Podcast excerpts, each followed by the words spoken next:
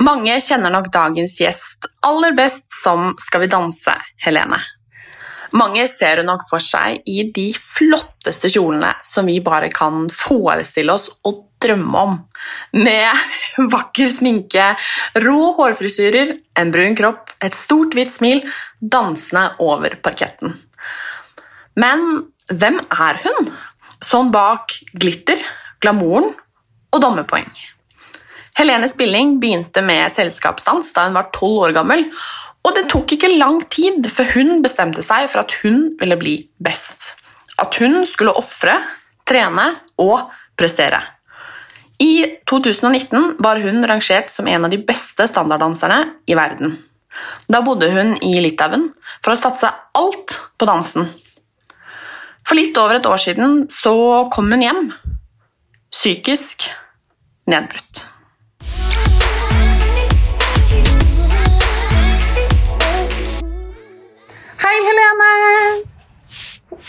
Martine! Så hyggelig at du har lyst til å være gjest i podkasten min. Litt takk for at jeg får komme.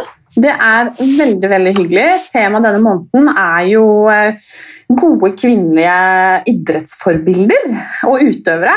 Eh, og du, du er jo det, syns i hvert fall jeg. Ja.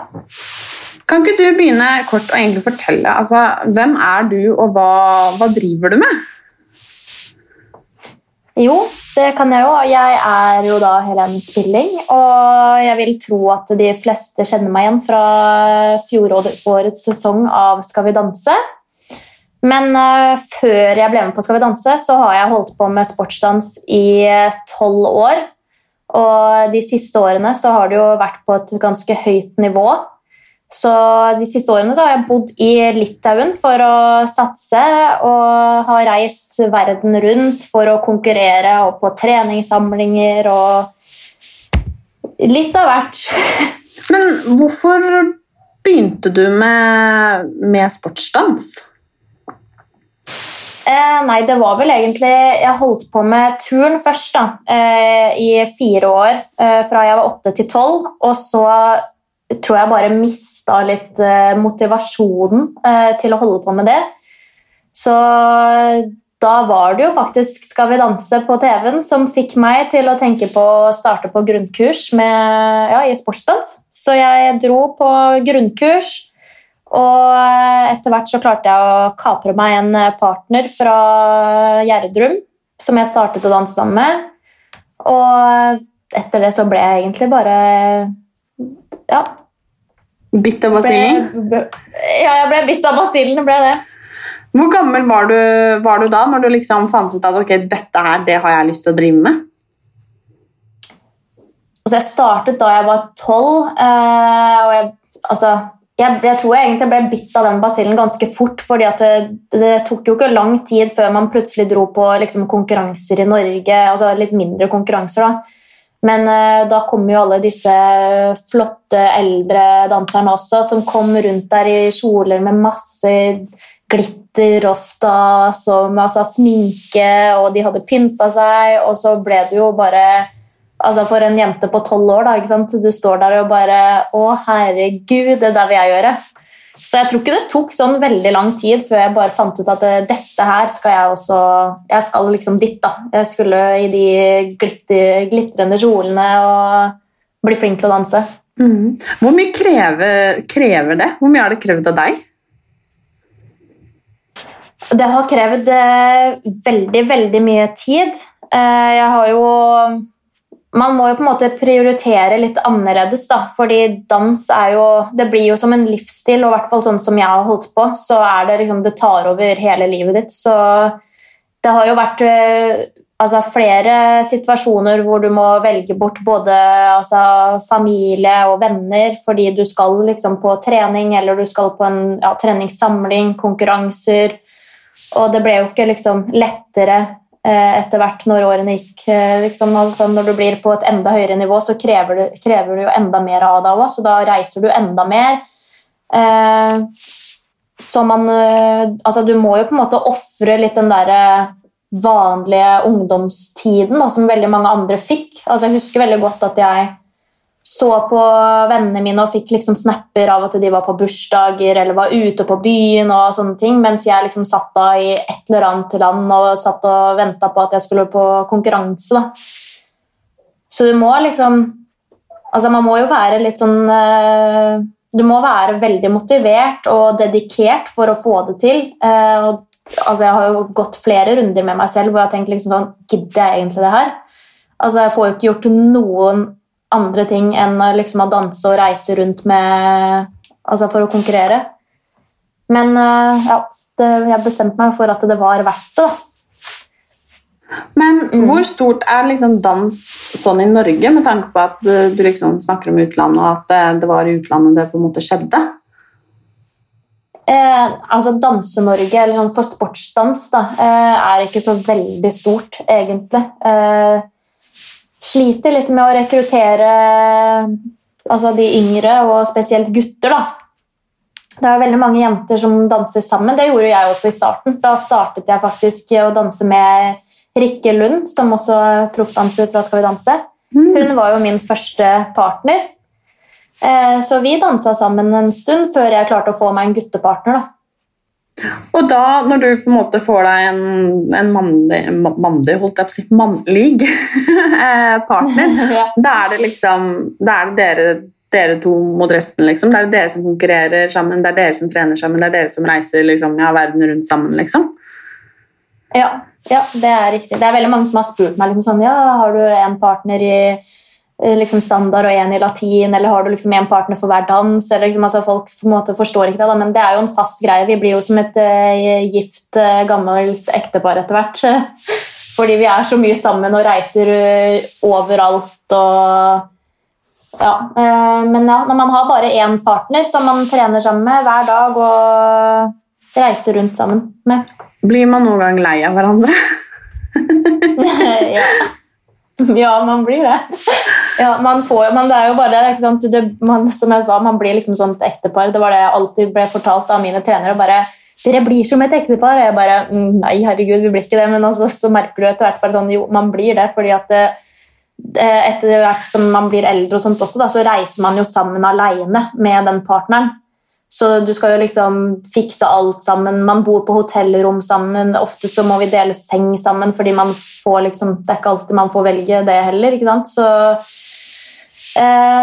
Ja. Men eh, om man blir lei hverandre, det kan jeg eh, godt si at man blir. Men da må jeg bare spørre, for man tenker jo sikkert da, altså dans er jo ofte veldig sånn hot og romantisk og intimt, gjerne. Hvordan er liksom det med en man Altså, en man er litt sånn tvunget til å på en måte være sammen med og dele så mye av både tiden og livet sitt med, eh, egentlig for å kunne utøve idretten sin. Blir det liksom noen gang liksom rom romantiske liksom, følelser og sånn inni der, eller blir det liksom som at man er som søsken, liksom? For min del så har det vært uh, mer søsken med alle sammen. Altså man uh, uh, ja, Nei, jeg har ikke liksom hatt en sånn type kjemi med de partnerne jeg har hatt. da. Men det er jo veldig ofte da, at altså de som er i toppen og sånt nå, som satser sånn som jeg også har gjort, da, det er veldig ofte at man blir sammen med partneren sin, og mange av de er jo gift. så Altså, det er veldig vanlig at det blir en sånn romantisk uh, Utvikler seg til noe romantisk, da. Men uh, for min del så har det liksom vært uh, venner eller ja, som, en, som et søskenbarn, liksom. Mm. Men eh, når var første gang du liksom reiste utenlands alene? Eller sammen med den partneren, da? Jeg tror faktisk det var rett etter at vi ble sånn 18. Eh, da danset jeg med en eh, gutt på min egen alder. Så jeg tror kanskje første konkurransen vi eh, reiste, var til San Marino. Hvor, som han, en konkurranse han hadde funnet fram, da, som han bestemte ja, dit skal vi dra. og hadde liksom funnet ut hotell og flybilletter og sånt. Og det, og jeg tror det var første gang vi dansa eller dro alene. Da. Vanligvis så var liksom alltid enten mamma eller pappa med, eller noen ganger så ble jo begge med. Altså sånn, når vi skulle til Danmark på konkurranse, så ble det jo som en liten eh, familietur hvor vi hadde litt sightseeing og konkurranser og sånt noe. Men eh, det var eh, ja, første turen til San Marino alene. eh, gikk jo, det gikk veldig bra, da. Det gjorde det. Men altså, hvor mye trening er det som, er det som kreves? Hvordan ser liksom en vanlig liksom, For man blir jo en toppidrettsutøver. Og hvordan ser hverdagen Mm. ut for en proffdanser? Eh, jeg kan jo si hvordan den så ut for meg på slutten, jeg på mens jeg bodde i Litauen. Da. Eh, for da, da var det jo på en måte mer enn det jeg hadde her hjemme i, eh, i Norge. Men eh, da var det ofte at vi var i studio eh, altså rundt ja, alt fra fem til seks timer, hvor vi hadde privattimer, hvor vi hadde egentreninger, og så har man kanskje noe eh, altså sånn intervalltrening, eller ja, vi kaller det for finaletrening, eller stamina. Men eh, ja, hvor du trener eh, opp kondisjonen og alt sånne ting. Og så hadde vi noen ganger også timer med en eh, altså PT som hadde litt andre øvelser for oss for at vi skulle forbedre oss i dansen. da. Mm. Men du nevnte jo Litauen, eh, for du flytta dit. Ja, jeg flytta dit da jeg var 21 år. Så flytta jeg dit. Hvordan var det? Og hva var liksom, hva var liksom hovedmålet med, med det? Hovedmålet var jo egentlig bare for å bli enda bedre enn eh, det jeg var da. Fordi, eller jeg hadde jo da en norsk partner, som, eh, altså, og vi var jo norgesmestere og var liksom best i Norge, men jeg merka liksom at eh, jeg trenger liksom enda mer. da. Eh, og det var jo ikke det at vi liksom ikke trente nok, og liksom at vi ikke at det ikke var bra sånn sett, men jeg tror nok jeg bare merka på at det, liksom, det stagnerte litt. Så jeg følte liksom at nå, nå må jeg gjøre noe mer for å på en måte komme meg enda høyere opp. Så da bestemte jeg meg for å avslutte det og begynte å søke etter ny partner. Og i starten så ville jeg jo egentlig ikke ut eh, til utlandet, fordi det var jo litt sånn skummelt. Men det tok jo ikke lang tid før jeg på en måte forsto at eh, for å faktisk nå de målene jeg hadde, så måtte jeg bare komme meg ut til eh, utlandet, hvor eh, det krever litt mer disiplin. De er kanskje litt eh, Altså, det er jo tøffere enn Norge, det har jeg jo allerede opplevd. Eh, det er jo en helt annen eh, kultur eh, og så et annet treningsregime enn det man har hatt her, da. Mm. Men målet var jo å, si, å bli best, da. Men man liksom- liksom? Altså, hva er de altså, Det er jo ikke kanskje et land man vanligvis verken altså, reiser eller flytter til. Nei, ja, det er litt sånn Øst-Europa, da. Som eh, altså både liksom Russland altså Der har du jo en helt annen mentalitet, ikke sant. Eh, hvor barna og sånt nå også kan bli liksom slått litt på trening hvis de ikke strekker beina bra nok og sånt nå. Så eh, det er litt tøffere borti der. Så jeg tror nok det også Litauen også har jo De er jo tett til eh, Russland, så de har jo mye av det samme eh, der. Og har oppnådd Altså, de har mange flinke, gode dansere, og det har de jo også liksom, i Russland og bortover der, da. Så, men jeg hadde jo flere liksom, partner eh, Altså sånn tryouts, da, som vi kaller det. Så jeg var jo både i Italia, jeg var i Polen um, Ja, og så hadde jeg jo da den partneren i Litauen som jeg også prøvde. Så jeg dro dit en uke først, hvor jeg bodde hjemme hos han og foreldrene. Hvor vi trente, og de testa meg skikkelig. Og det har de også sagt til meg nå i etterkant, at det, de prøvde liksom å psyke meg ut på de treningene der for å sjekke hvordan jeg skulle takle det, for de var liksom redd for at jeg ikke skulle være, eh, være mentalt nok sterk, eller sterk nok. da. Så, men eh, ja, det tenkte liksom Jeg hadde jo allerede vært på mange konkurranser og treningssamlinger i Litauen, så jeg var allerede liksom litt kjent med landet og stedet. Så da tenkte jeg liksom ja, men det her kommer til å gå. Liksom. Jeg føler meg litt mer komfortabel med å flytte dit enn å for flytte til Polen. Da. Det, ja. Men da flytta du, eller reiste du ned en uke, bodde hos en fremmed familie Ja. i en uke som liksom Og du blei liksom piska for at du liksom ja, skulle bli testet. At dette var liksom noe for deg, om du faktisk klarte dette her. Det høres jo ganske ut. Og et annet språk Ja. og en annen kultur. Altså, og, og man altså, Ja. kan jo føle seg ganske, ganske sårbar i en sånn situasjon, for å si det sånn. Ja, nei, altså det var ikke det, det var jo ikke lett, samtidig som at det, liksom Jeg var veldig klar for å få noe Altså gjøre noe mer enn det jeg hadde allerede gjort i Norge. på en måte da, Så jeg var, liksom, jeg var litt klar for å bli piska rundt. da, liksom sånn, Jeg tenkte liksom det her er bra, det her kommer til å få meg bedre, liksom. Så for meg så var det Altså, ja, det var jo litt skummelt, da, fordi altså, trenerne som jeg også hadde der, da, de er jo noen av, et av de beste parene i, i verden. Eh, så de er jo veldig dyktige dansere. Eh, og så selvsagt så snakker du jo de masse litauisk, så du står der, og så står du liksom der, ok, trenerne pluss partneren og meg, og så de, begynner de å snakke litauisk, og du står der liksom på siden, forstår ikke et pip, og bare hva er det som skjer nå? Altså, liksom, ja, du føler deg jo litt utafor ofte, og det gjorde jeg jo også alle altså, de to og et halvt årene jeg bodde der. Det var jo ofte at det ble plutselig litauisk, hvor du bare må sitte der og ja, altså, Jeg begynte jo også å forstå litt etter hvert, sånn at jeg kunne catche opp litt sånn hva bare samtalen handla om, men jeg klarte jo ikke å få med meg ordentlig hva det handla om. Så du følte deg litt sånn utafor, da. Ja, det kan jeg jo forstå. Men hvordan fortsatte du å bo hjemme hos eh, denne familien, eller eh, hva gjorde du? Nei, jeg tok jo jeg, ja, Det var jo denne uka der, og så dro jeg hjem igjen. Og da var det vel kanskje en eller to måneder som jeg var hjemme i Norge, og hvor vi på en måte bestemte oss for at ok, vi skal få til det her. Vi på en måte ble enige om litt forskjellige ting. Jeg måtte jo da forlate liksom både venner og familie og alt som egentlig var nært meg. da. Eh, Så jeg hadde liksom kravet mitt for at vi skulle starte å danse sammen, var at vi skulle stille for Norge, og jeg skulle få stille for min klubb og liksom representere Norge fremover da, i konkurranser når vi skulle konkurrere. Så han gikk jo med på det etter hvert, etter litt eh, frem og tilbake. Og så fant jeg meg en leilighet. da. Så jeg tror jeg, vel, jeg bodde vel kanskje hjemme hos de en uke før jeg på en måte fikk flytte inn i min egen leilighet i Litauen. Det er ganske heftig, da. altså, jeg bare tenker liksom ja. Ja, hva var det, 21 år, flytte alene til et fremmedland der man som ikke nødvendigvis snakker engelsk så godt heller, og eh, ja, dønn alene, liksom, for å følge drømmen sin. ja.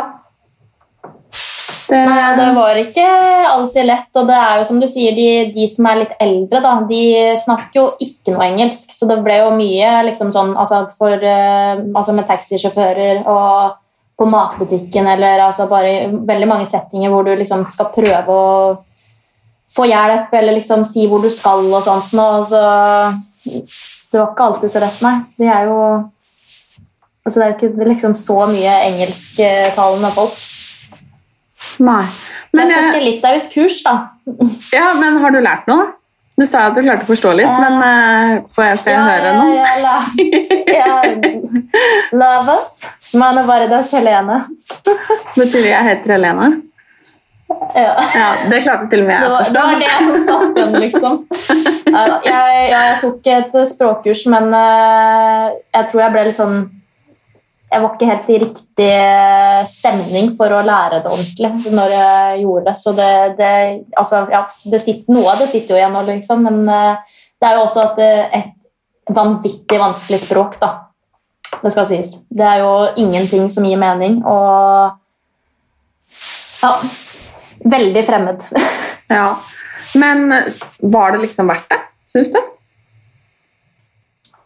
Å dra til Litauen, eh, liksom? Mhm. Eh, ja, det vil jeg si.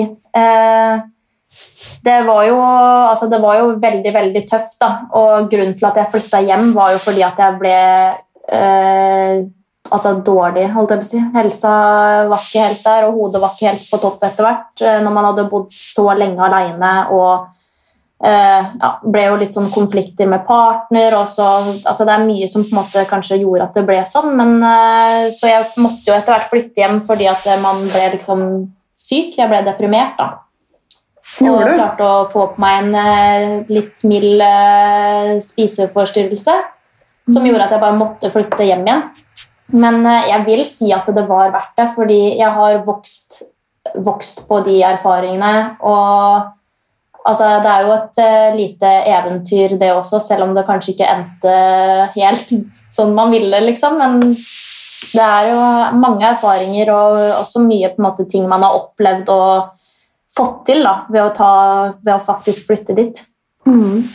Men hva tror du på en måte gjorde at du, du fikk det så tøft, da? Eh, og at du ble deprimert og, og slet på en måte med ja, spiseforstyrrelser òg, liksom. Det er jo ganske, ganske, heftig, men så føler jeg jo litt sånn Det bildet man på en måte har av, har av uh, dans, er jo kanskje at det ikke nødvendigvis er så unormalt, fordi at det er et veldig hardt regime.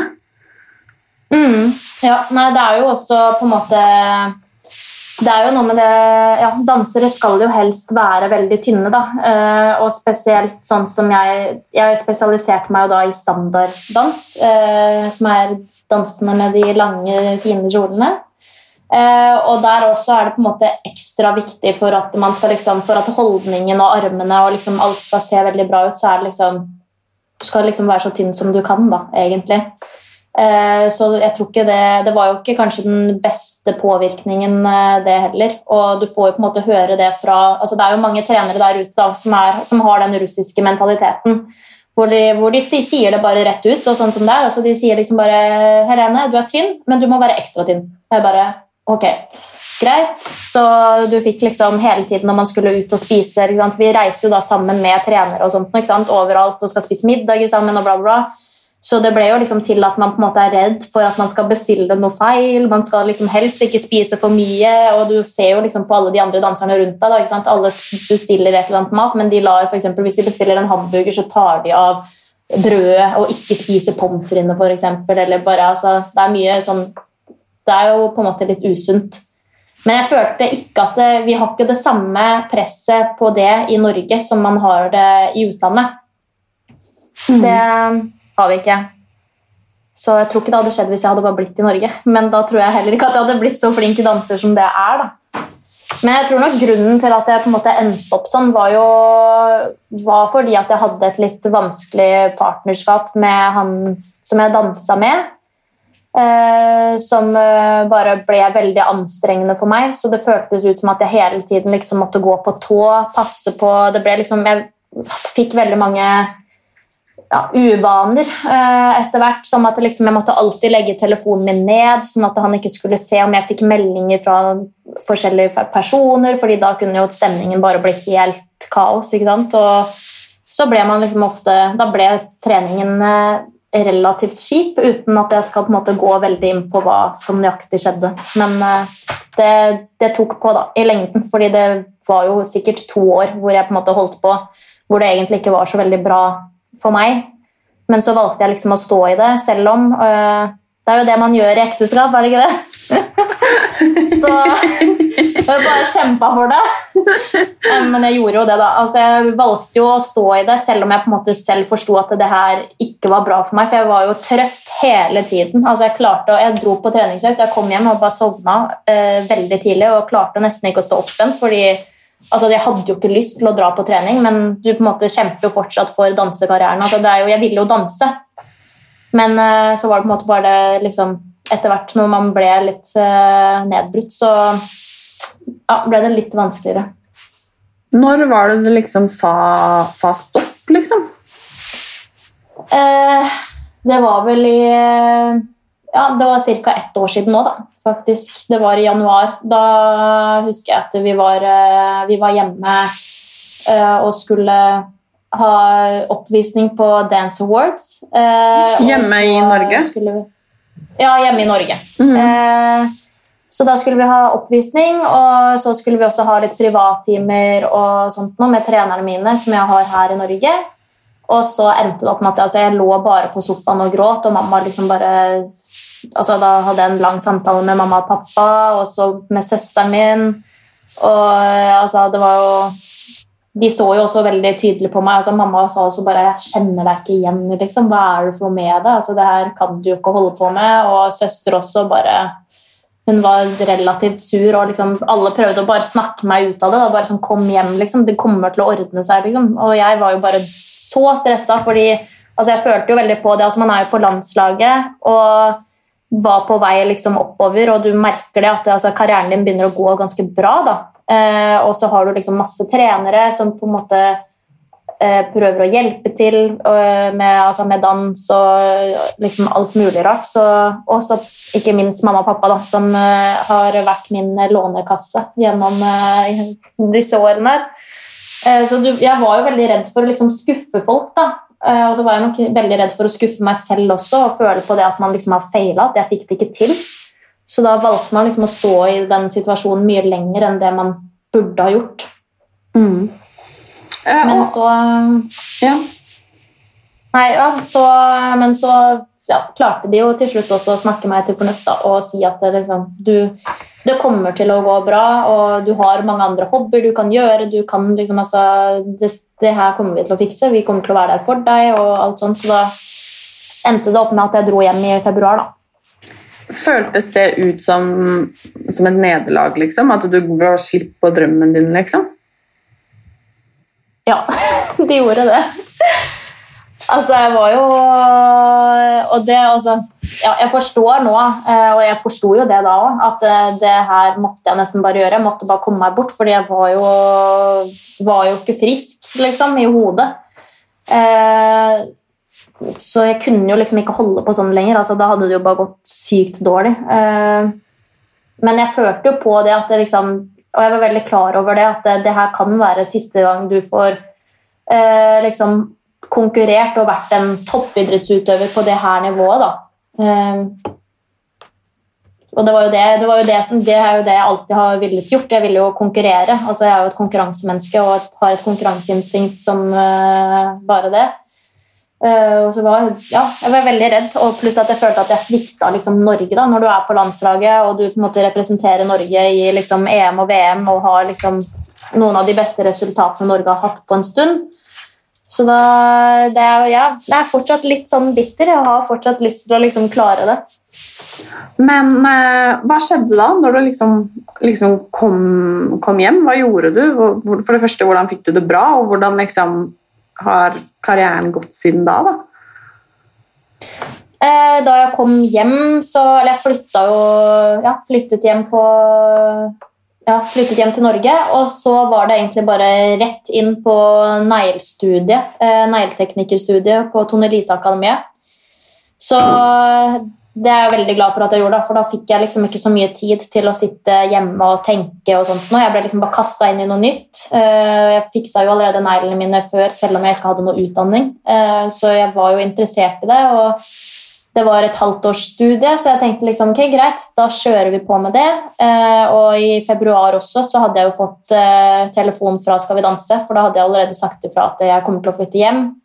Eh, og sagt ifra til noen trenere, så da hadde de tipsa til Skal vi danse. Så de fikk, jeg hadde fått da telefon og spurt om jeg ville være med, og hadde allerede sagt ja til det. Så da visste jeg liksom da, ok, greit, nå tar jeg negleteknikerstudiet, og da ble jeg opptatt med det. Lagde salong hjemme og fiksa kunder. og styra og ordna, og så var det liksom sommerferie, og så var det rett inn i Skal vi danse. Men altså, du sa jo det at liksom, en av grunnene til at du på en måte ville, ville gjøre dette her, var for, fordi at du så på Skal vi danse, liksom. Hvordan var det da å få den telefonen eh, fra Skal vi danse med at Hei, Helena, har du lyst til å være med på dette her, liksom? Hvordan var det? Altså, det var jo det var veldig gøy. Jeg synes Skal vi danse har alltid sett ut som et veldig morsomt program å være med på, fordi det er, altså, det er mye mer show. Eh, I dansing så er det jo veldig mye mer regler, og det er jo Altså Det er jo på en måte toppidrett, så det er jo på en måte ikke det samme. Skal vi danse ser, altså For min del, da, før jeg var med på det selv, så ser det jo liksom bare ut som altså, det ser ut som mye, mye mer moro, mye mer show. Du kan kose deg litt mer med det, og det var det jo også.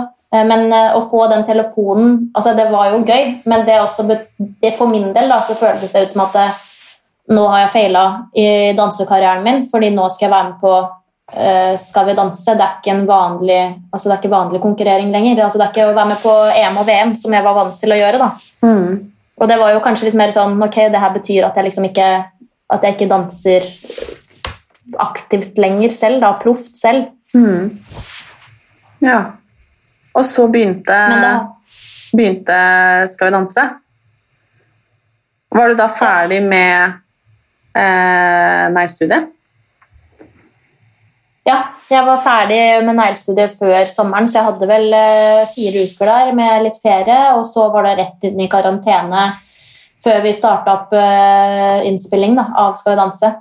Ja, og hvordan hadde liksom du det da, fra å ha gått fra å ha hatt det ganske så kjipt, eh, spesielt kanskje mentalt, i, eh, i Litauen, eh, komme hjem, få deg en Mm. utdannelse, eh, skal kaste deg rett inn i Skal, skal vi danse-sirkuset. Hvordan hadde liksom Helene det? Eh, jeg, altså et, jeg ble jo veldig oppslukt i neglestudiet. Altså, jeg var på skolen og gjorde, si, jobba der med negler og sånt. Og kom hjem, og da holdt jeg på med neglestudiet, altså, da holdt jeg på med hjemmesalongen min og fikset kunder og sånt noe. så jeg var liksom var, jeg var så opptatt hele tiden, så jeg tror nok jeg liksom Og det var også en veldig bra ting. For jeg ble også, merket liksom at jeg fikk litt mestringsfølelse av at jeg fikk det til. Jeg gjorde det bra på skolen. Jeg liksom fikk til det vi skulle og sånt nå. Eh, så det, og pluss at de jentene jeg hadde i klassen, var jo bare helt supersøte. altså, det var jo skikkelig sånn girl power-klasse. Så det hjalp veldig, veldig på. Eh, og sommerferien også, så fikk jeg liksom bare tid til å slappe av. Var med venner, noe som jeg på en måte ikke har hatt tid til før i det hele tatt. Så det var jo bare superbra. Jeg fikk liksom tatt igjen litt fra alle de ungdomsårene som jeg aldri hadde. Og så rett inn i Skal vi danse, og da tenkte jeg liksom på at ok, det her kan gå enten veldig bra eller veldig dårlig sånn mentalt sett. da. For jeg tenkte liksom enten så får jeg på en måte en bra partner og liksom noe, altså noe som kommer til å bare dytte meg enda mer opp, og at det blir en superbra opplevelse for min del. Eller så kan man jo liksom få en partner også som man ikke går så godt overens med. altså Det er jo mye stress, det er mye øh, nerver og ting man skal gjøre sammen. og sånt nå, Så jeg var jo klar over det at det her det er på en måte en liten risiko for at det ikke blir så bra. liksom. Men eh, heldigvis så fikk jeg jo Nate, og Nate har jo bare vært helt super for min del. Altså, vi har jo blitt så gode venner, hadde det så gøy sammen. Eh, Så han, var, han har absolutt vært med på å dra meg også opp fra der hvor jeg var. da. Mm. Men fortsatte du å danse når du kom hjem, eller ble det liksom pausa da? Når jeg kom hjem fra Litauen Ja. Ja, eh, ja, nei, Da jeg kom hjem fra Litauen, så blei det egentlig helt stopp. altså. Mm. Da klarte jeg ikke å Jeg tror jeg husker faktisk at jeg dro innom eh, dansestudioet vårt i Lillestrøm en gang. Jeg husker ikke hva jeg skulle engang, men eh, jeg gikk inn dit, og sånt nå, og så da var det liksom etter trening, da, så folk sto i gangen og sånt nå. Og jeg knakk bare sammen, så jeg måtte bare gå ut. Eh, Jeg tror nok noen av de registrerte det litt, men eh, jeg måtte bare gå ut, fordi da bare knakk jeg sammen. Fordi at du bare ja, forstår da, at det, liksom, det her er ikke ditt liv lenger. på en måte, Å bare være i dansestudio og trene. Mm. Men eh, nei, det, har- det har ikke vært lett det å på en måte gi slipp på den drømmen da, som har vært liksom sittet der så mange år. Var, altså, jeg har jo dansa nå halve livet mitt. da, Jeg er 24 år og dansa i 12 av de. Mm. Men betyr liksom det her at drømmen er liksom over? Eller har du liksom gitt ordentlig slipp, eller har du liksom fortsatt et håp om å på en måte kunne fortsette? Jeg har liksom ikke helt klart å bestemme meg for det enda, fordi det er jo noe av meg som på en måte ikke har gitt helt slipp enda, og som fortsatt har lyst til å konkurrere på det nivået. Eh, Nå vet jeg også at liksom, hele sporten er liksom satt på pause. Liksom. Altså, det er jo det er korona der òg, så det er liksom ingen konkurranse for tiden. eh, Og ja, ting står liksom stille, så det er jo det er jo på en måte ikke umulig at man kan starte igjen når det på en måte slipper opp litt mer, da, for å, for eksempel. Men jeg vet at hvis jeg skal satse på nytt, så må jeg igjen til utlandet, og da må jeg bort fra alle venner og familie og andre muligheter som jeg har fått her nå. Da. Det må man jo kanskje da gi opp igjen, da. Mm. Så jeg står litt sånn der Jeg vet ikke helt om jeg klarer det en gang til nå. Mm. Men du nevnte jo liksom disse altså, om vi skal kalle det regler eller regime, eller hva vi skal kalle det på, liksom, når det kom til liksom, mat, hvordan kroppen skulle være, eh, utseende, ikke sant? Eh, at det er en veldig utseendefiksert eh, idrett. Eh, Mm. Sikkert ikke når man står der seks timer i studio og danser, altså sånn misforstå meg rett, men det er jo veldig sånn at man skal ta seg Mm. godt ut, eh, og det sier du jo du Mm. også. hvordan var det da på en måte det å gå fra det liksom harde, strenge regimet Du skal spise sånn, du skal se sånn ut, du skal være sånn, du skal Alle disse reglene, da, til å komme hjem og egentlig bare Ja, her var det plutselig ingen regler, liksom. Du kunne egentlig Ja. spise hva du ville igjen. Du kunne Altså, hvordan føltes det eh, å gå fra det strenge regimet til å på en måte egentlig ikke ha den eneste regel? Ja, nei, det var litt av en overgang, egentlig. Eh, Det var plutselig, altså plutselig hadde jeg heller ingen treninger. Liksom. Det var ingen som jeg skulle møte opp til. Altså, det ble jo, altså, livet mitt ble jo snudd opp ned på huet, liksom, eh, til de grader. Og det var jo det var på en måte, Jeg trengte det, samtidig som det var jo veldig, veldig rart. Men eh, nei, altså, jeg syns jo det er eh, bedre sånn her å ikke ha noen eh, regler på mat og på utseende, og du skal være sånn tynn og liksom her Og det burde det jo egentlig ikke vært i sporten, da, men det er jo, det er jo sånn sport er. Altså, det, er jo, det, er jo, det er jo ikke bare dans også som på en måte kanskje har det eh, har det sånn, egentlig. Altså, det er jo mange sporter som krever at eh, idrettsutøveren er supertynn eller veldig fitt eller lav fettprosent, eller liksom, hva enn det skulle være. Hmm. Men Det er- eh, var ikke, det er fint å komme, komme til et sted hvor det liksom er uh, greit. da, Å spise hva man vil, se ut som man vil. Mm. Men har det vært litt sånn litt vanskelig òg, å på en måte skulle Altså sånn for deg å Ja, det der skulle gi litt mer faen igjen, liksom? Ja. ja, det er det. Og så pluss at man var jo på en måte ikke på et bra sted, og når man først har liksom gått gjennom en liten runde der hvor man har slitt med å spise litt, da, og sånt, noe, så, så sitter nok det ganske lenge eh, igjen i kroppen på en måte, og i hodet, liksom sånn sett. Så det er jo ikke sånn mm, ja, Det er ikke sånn at man bare kommer hjem da og bare begynner å spise hva som helst og sånt noe. Eh, men jeg, jeg tar og spiser eh, hva jeg vil nå, på en måte. Mm. Det begynner å bli bra nå, liksom? Ja, det vil jeg si. Ja. Jeg har det jo mye bedre med meg selv og sånt. Når man har alltids oppturer og nedturer og sånt. Og jeg merker jo det også når Skal vi danse ble over nå, så er man liksom litt sånn jeg føler at det er en litt sånn fase hva er det jeg skal gjøre med livet mitt nå. Jeg har ikke idretten å gå tilbake igjen. Skal vi danse er liksom ikke året rundt, det er på en måte bare på høsten.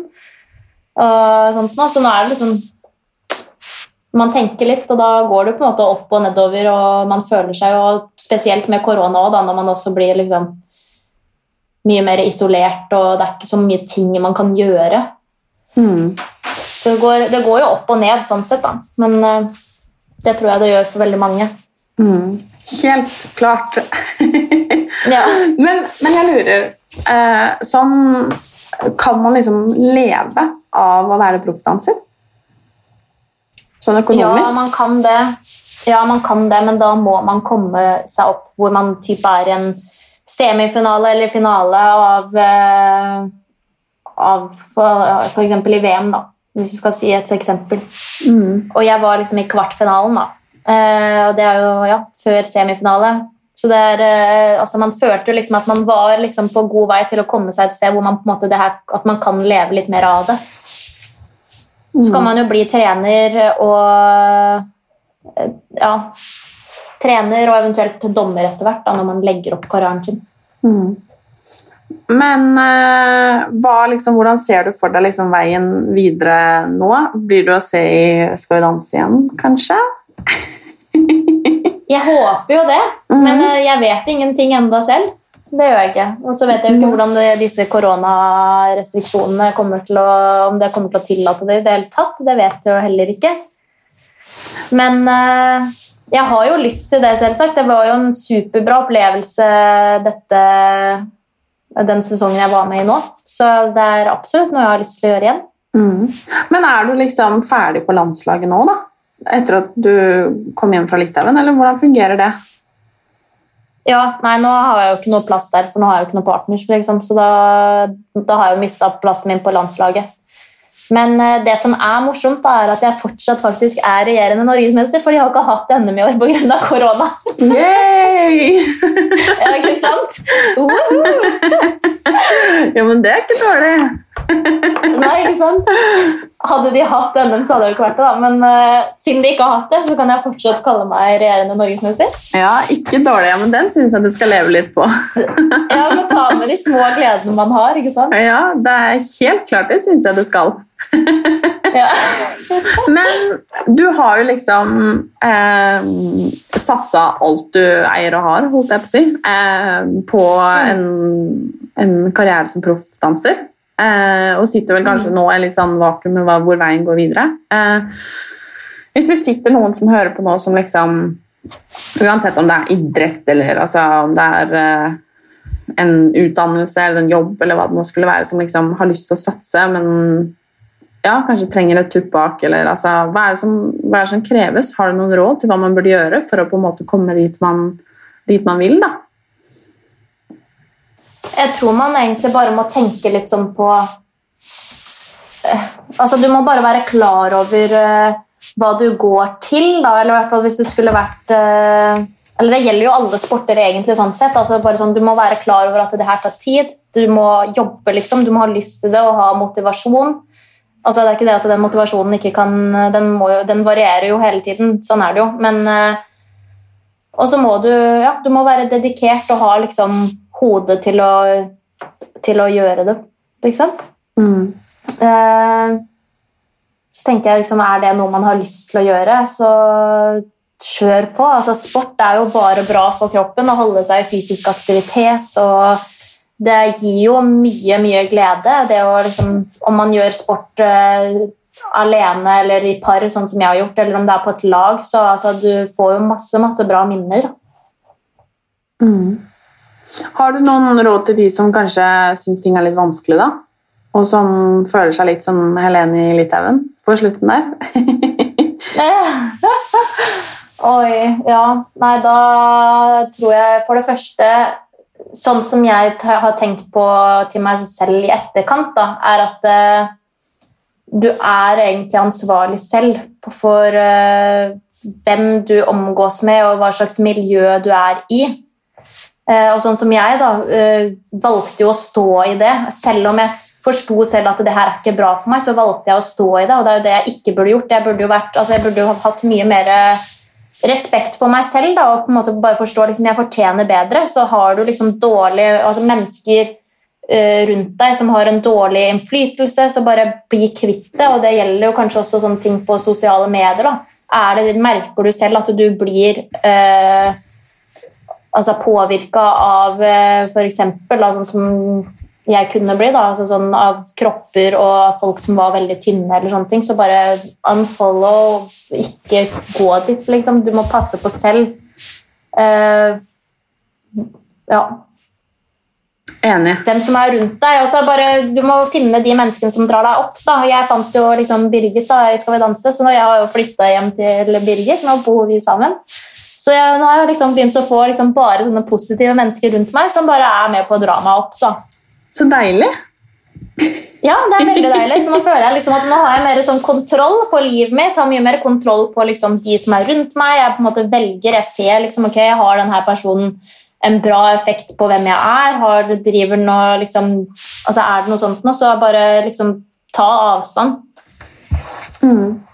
For det er jo det som gjorde meg på en måte altså, deprimert, da, var jo på en måte menneskene rundt meg som på en måte fikk meg til å komme meg dit. Mm. Så jeg burde jo bare droppa de med en gang og bare kommet meg bort. Mm. Men man lærer. Ja, man lærer. Det, er, det var en hard lærepenge, det der. Men uh, man blir jo sterkere av det og klokere. Mm. Det er rart med det. Ja. Men uh, Helene, jeg er veldig veldig glad for at du hadde lyst til å dele, dele dette her med oss. Og jeg syns det blir spennende å se hvilken vei, vei, du tar, og hvor du dukker opp. Om det er på den ene eller den andre arenaen. Jo, tusen takk. Det, jeg, jeg, gleder meg til å følge videre med deg også. Ja, Så hyggelig. Da kan vi glede oss på hverandres vegne. ja. Veldig veldig hyggelig. Og jeg, jeg håper litt å se deg, se deg Skal vi danse igjen til høsten. Men eh, om du skal ut og herje litt til i utlandet eventuelt, eller uansett hva det blir, eller om du ikke gidder det engang, så, så gleder jeg meg til å følge med på det du skal, skal utenom det òg. Jo, tusen takk. Det, det blir spennende å se. Jeg vet Ja. ikke selv engang. Nei. Men det er, det er greit, det. Det er litt fint det å vite at man må ikke alltid ha en plan på livet heller. Liksom. Det, er ikke, det er greit å ikke vite og ha stålkontroll hele tida. Ja. ja. Nei, men skal vi si ha det, da, Helene? Ja, nei, men det kan vi gjøre. Ja, Så kan vi ønske alle en eh, fin dag. Ja, ha en fin dag, alle sammen. Og pass på hvem dere omgås med. ja. Kloke ord fra Helena. ha det, Helene. ha det bra. Ha det.